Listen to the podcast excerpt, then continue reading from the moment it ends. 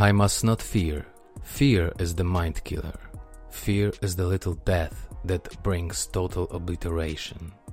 I will face my fear. I will permit it to pass over me and through me. And when it has gone past, I will turn the inner eye to see its path. Where the fear is gone, there will be nothing. Only I will remain. Witajcie moi drodzy. Chciałem rozpocząć dzisiejszy odcinek od e, cytatu z Dune Franka Herberta z 1965 roku, bo to właśnie o filmie Duna chciałem dzisiaj z wami porozmawiać. Mm, to taki cytat chyba najbardziej znany z tej książki, ale też cytat, który naprawdę e, robi mind blowa i, i daje do myślenia, bo no, mówi o strachu, o tym, żeby nie dać się sprowokować strachowi, żeby strach nas nie paraliżował, żeby nie, nie doprowadził do śmierci naszego umysłu, naszej duszy. Duna to film, na który czekali wszyscy. Powiedzmy sobie szczerze, już rok temu miała być premiera, mm, no ale pandemia spowodowała, e, że ten film został przesunięty o rok, no i to oczekiwanie stało się jeszcze bardziej niecierpliwe, przynajmniej w moim przypadku. A y, jeżeli wiecie, czym jest Duna, no to y, możecie sobie wyobrażać, e, e, że no przedsięwzięcie to jest ogromne. Myślę, że nie tylko ja czekałem na to, żeby zobaczyć tą nową wersję Duny. Mm, prób zekranizowania tej powieści było już kilka.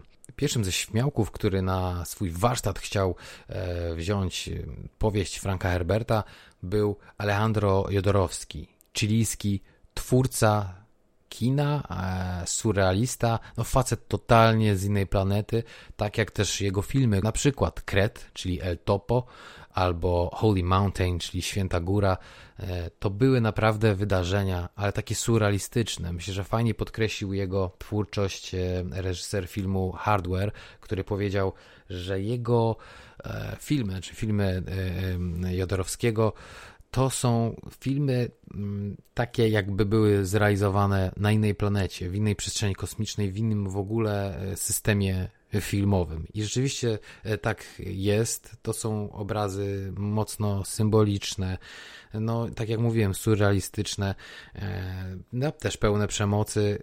Słuchajcie, trzeba zobaczyć, żeby, żeby mm, wiedzieć o co chodzi i też, też Wam polecam, żeby poszerzać swoje horyzonty mm, kinowe, ale też po prostu kulturowe i zaglądać właśnie w takie e, tereny, które prezentuje Alejandro.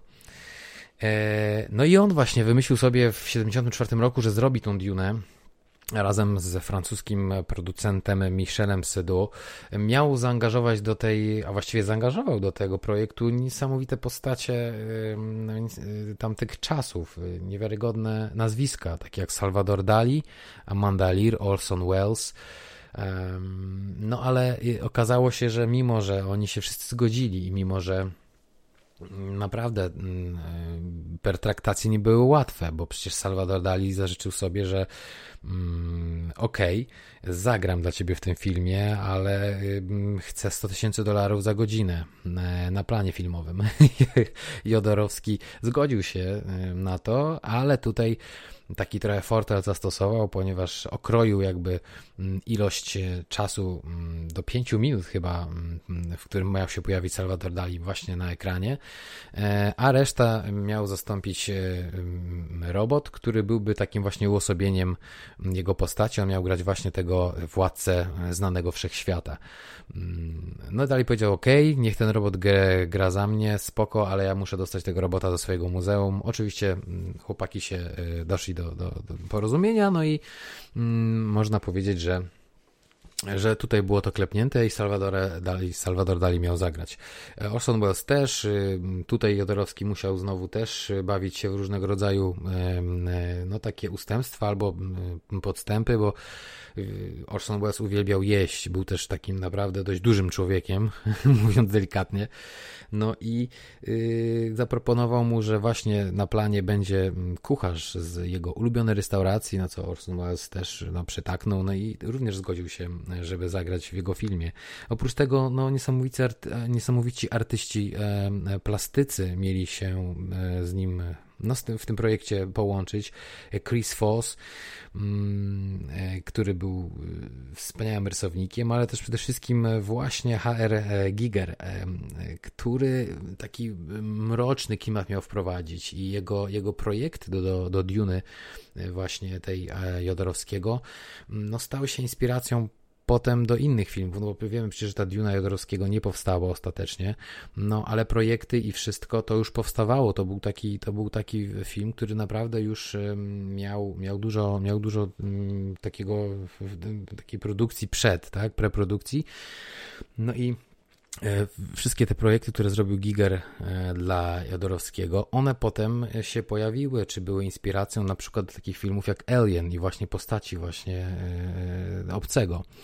Mm, no, ale, ale sam, sam film niestety nie powstał, mimo że Jodorowski bardzo o to zabiegał. To troszeczkę ta jego wizja była odklejona, no bo mówmy się, że on chciał, żeby to był około 12-godzinny spektakl, ale też to byłaby pewnego rodzaju. Hmm, ja nie wiem, czy to byłoby nawet y, można nazwać filmem, bo on chciał ludzi wprowadzić w trans, podobny do takiego transu, który y, ludzie wchodzą y, po spożyciu LSD.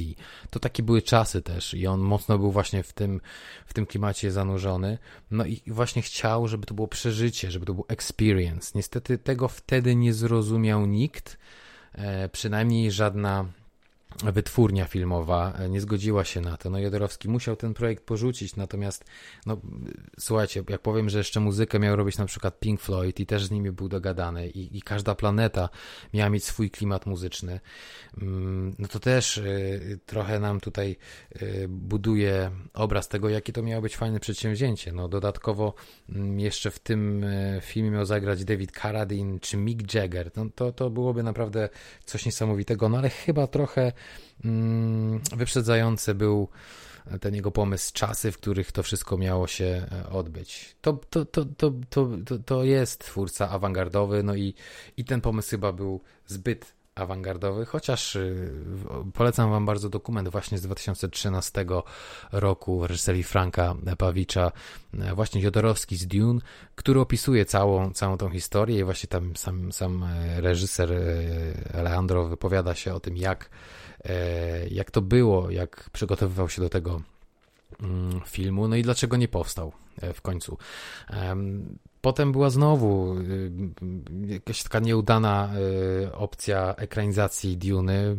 Mówiono, że właśnie Ridley Scott miał się za to zabrać, ale w końcu się nie udało. Ponoć śmierć Prata właśnie pokrzywała plany. No i w końcu w 1984 roku David Lynch dostał szansę, to wtedy był młody, obiecujący, e, stylowy reżyser, no, który dostał szansę, żeby właśnie pokazać się od strony no, takiej trochę adaptacyjnej. No i mm, z przykrością mówi się, że nie udało mu się to i wiele, wiele osób jest zawiedzionych, ale tak naprawdę po latach mm, ten film Lyncha z 1984 roku, czyli Duna Lyncha, on ma już jakiś tam taki cult following i ludzie, i ludzie się tym filmem też fascynują. Ja przyznam, że chyba do nich należę, bo mimo upływu tak wielu lat to się ogląda z, z zaciekawieniem, sentymentem. Oczywiście nie jest to wielkie dzieło. E, I nie jest to do końca Duna e, Franka Herberta, ale bardziej, bardziej Lyncha. No to jest twórca, który no nie może się oprzeć przed tym, żeby nie zrobić z tego właśnie jakichś pokręconych klimatów, e, żeby nie pomieszać tutaj trochę z naszymi, w naszych głowach. Mm, no i ten oniryczny klimat też, też lubi wprowadzać, dlatego też tak się tak się stało i ten film e, bardzo mieszane recenzje miał, właściwie został zjechany. No dzisiaj po czasie on trochę odzyskuje swój, swój blask. E, na pewno e, to, co w tym filmie warte jest zauważenia, to niesamowite kostiumy, świetne. Kostiumy, którymi inspirował się Denis Villeneuve przy tworzeniu właśnie tej, tej dzisiejszej Duny, tak? Bo to, co tam zrobili, to naprawdę jest e, majstersztyk. E, może efekty specjalne no, nie były najlepsze i zestarzały się nie, naj, nie, naj, nie najlepiej, ale to też jest, to też ma swój klimat, tak? I patrzymy na takie filmy mm, sprzed kilkudziesięciu lat, to, to ma to swój klimat i, i, i czasami się broni Tutaj, jak sobie zobaczycie te tarcze właśnie, które oni sobie włączają, takie ochronne podczas walki, no to to wygląda trochę, e, trochę komicznie, ale dodaje klimatu.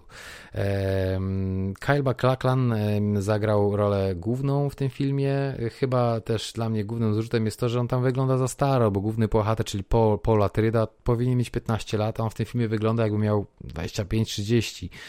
No i tu to też się trochę rozjechało. No, ale ten film Lyncha y, jednak nie usatysfakcjonował ogółu i tak mówiło się, że no trochę zmarnowany potencjał. Trochę można usprawiedliwić Lyncha, że jego pierwsza wersja miała 3,5 godziny mieć około, ale oczywiście to nie przeszło i trzeba było to skrócić i, i wrzucić dużo głosu z offu, jakichś takich wewnętrznych myśli, którzy bohaterowie, um, który, który, który pomagał po prostu też widzowi, żeby się odnaleźć w tej całej rzeczywistości.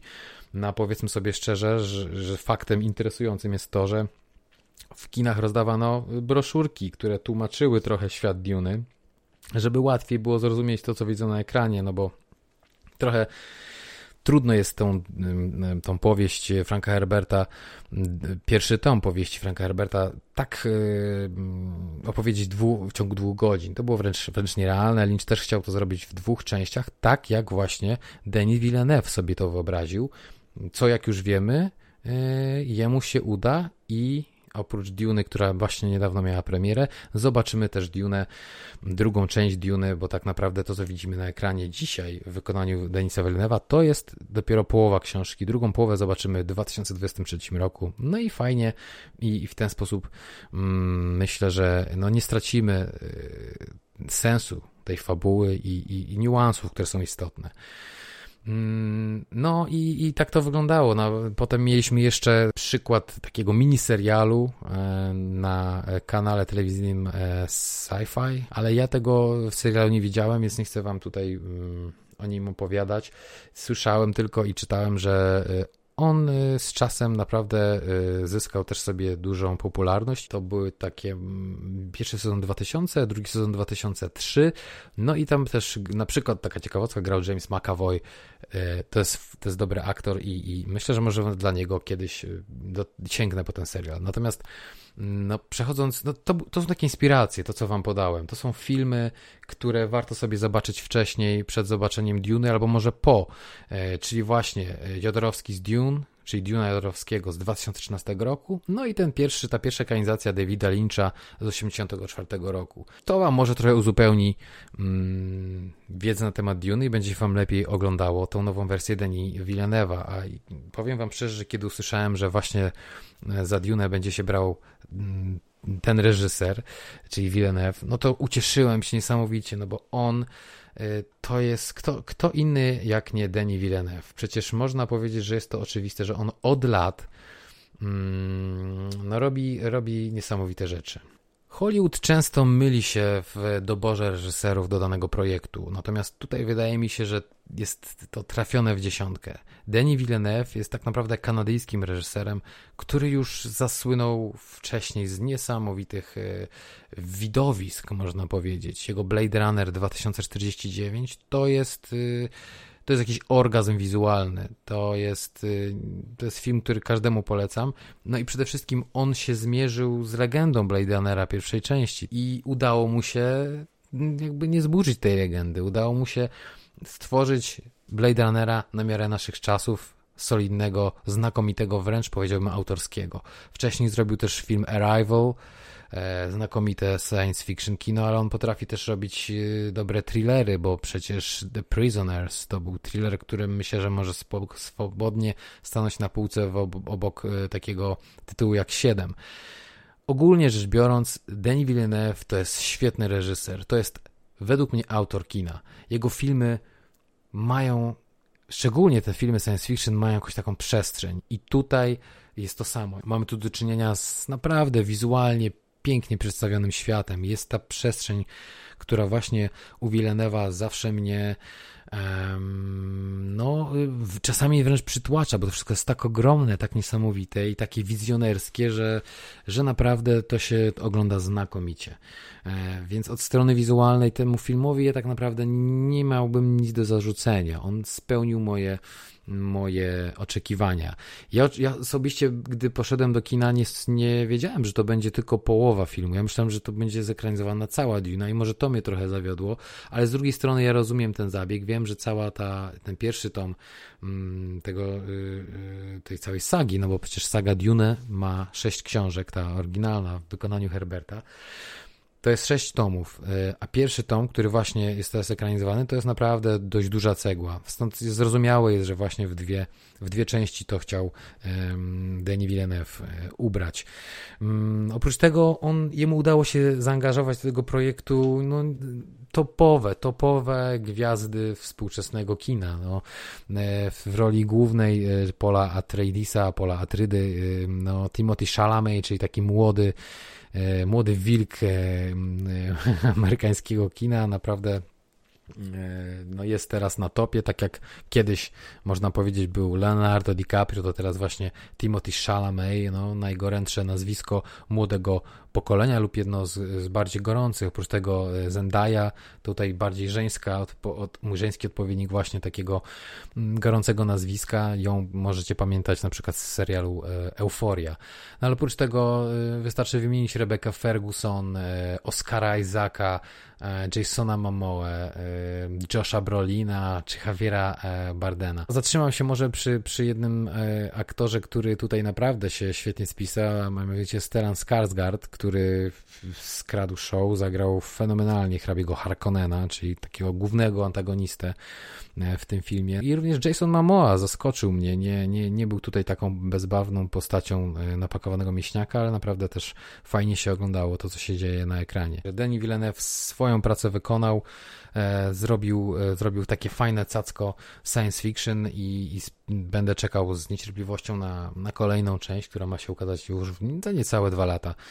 Mm, z mojej strony ten film dostaje mm, ocenę 8. E, to jest ocena oczywiście bardzo dobra.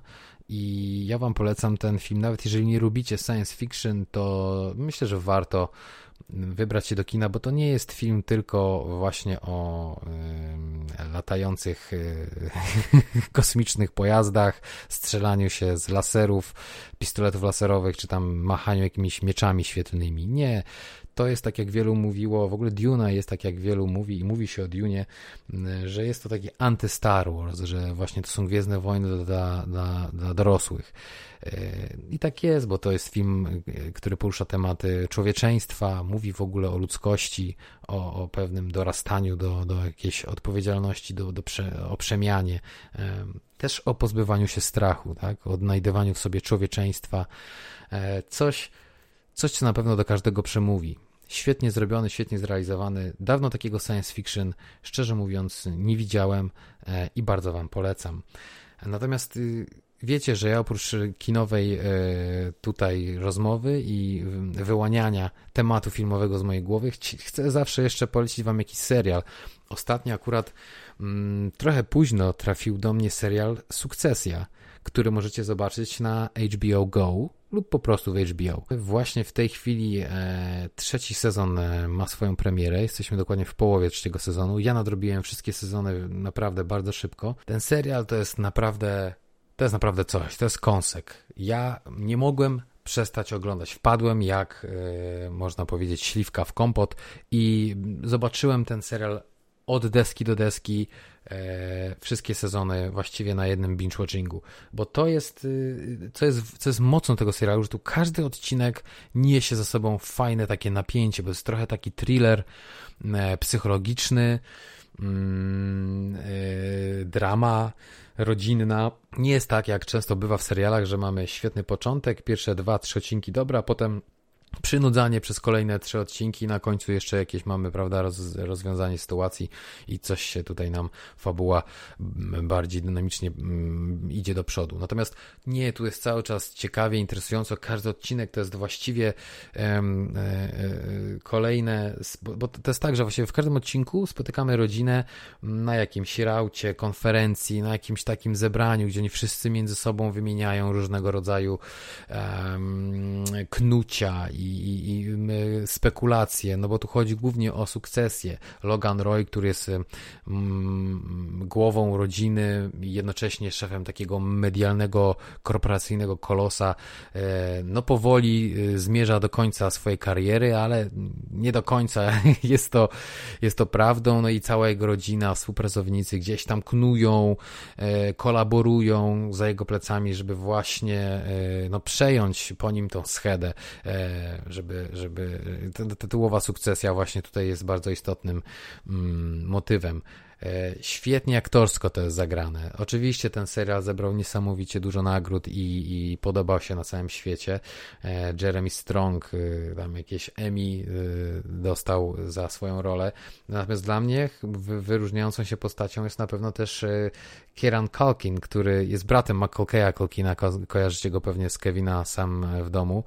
E, ale on tu naprawdę gra fenomenalnie, takiego antyspołecznego dziwaka y, typa, który naprawdę jest trochę psychopatą, trochę, trochę wariatem, a jednak chyba o takim dobrym sercu e, człowiek, człowiekiem, ale no naprawdę tu każda postać właściwie jest, jest fenomenalna i Shiv grana przez Sarah Snook e, czy, czy, czy Greg grany przez Nicolasa Browna to są naprawdę wszystko ciekawe, ciekawe role i, i, i to wciąga i nie puści was na pewno mm, ten serial tak łatwo. Będziecie musieli go zobaczyć od początku do końca Także to jest trochę ostrzeżenie, bo to nie jest taki serial, że będziecie przysypiać na tych odcinkach. Nie, on was wciągnie, on wam pokaże, jak powinno się robić e, seriale od A do Z.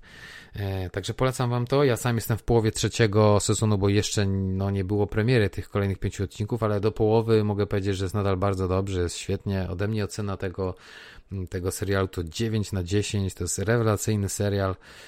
No i oby tych odcinków było jak najwięcej i, i, i no, bo, no bo to po prostu sprawia, sprawia mi przyjemność oglądanie tego, mm, tego projektu. E, to, to chyba na tyle, jeśli chodzi o dzisiejszy odcinek. Chyba się przedłużył nieco bardziej niż poprzedni, no ale trudno. Miałem dużo do powiedzenia. Chciałem Wam przybliżyć Dune i to dlaczego właściwie czekałem na tą Dune. Więc przy okazji usłyszeliście trochę o dokumencie o Jodorowskim i jego nieudanym projekcie. Usłyszeliście też o tym, co mm, Lynch miał do zaproponowania, jeżeli chodzi o adaptację. No a a, a, a sama Duna to myślę, że opcja, która czeka na Was w kinach mm, i którą trzeba zobaczyć. Mam nadzieję, że, że chodzicie do kina na fajne projekty, dobre, dobre filmy i, I mam nadzieję, że też może skomentujecie i powiecie, jak Wam się podobał ten film, czy czekaliście na Dune, czy może Was rozczarował, czy może, może, może macie inne zdanie na ten temat. Jestem bardzo ciekawy, czy, czy właśnie takie filmy Wam się podobają, czy w ogóle science fiction to jest gatunek, który według Was no coś, coś wnosi, coś się w nim dzieje, czy jest mm, chociaż trochę mm, awangardowy dzisiaj, czy, czy nie, bo mówi się, że to horror właśnie jest tym gatunkiem, który który wyznacza pewne, pewne e, dzisiaj e, kierunki rozwoju. No to chyba, to chyba już naprawdę tyle. Komentujcie, lajkujcie. E, chciałbym, żebyśmy byli taką fajną filmową społecznością, która rozmawia ze sobą o tym, co ciekawego e, dzieje się właśnie w świecie kina i żebyśmy się łączyli właśnie jako te filmowe głowy. E, a tymczasem żegnam się z Wami. Gdybyśmy się już nie usłyszeli, to good afternoon, good evening and good night.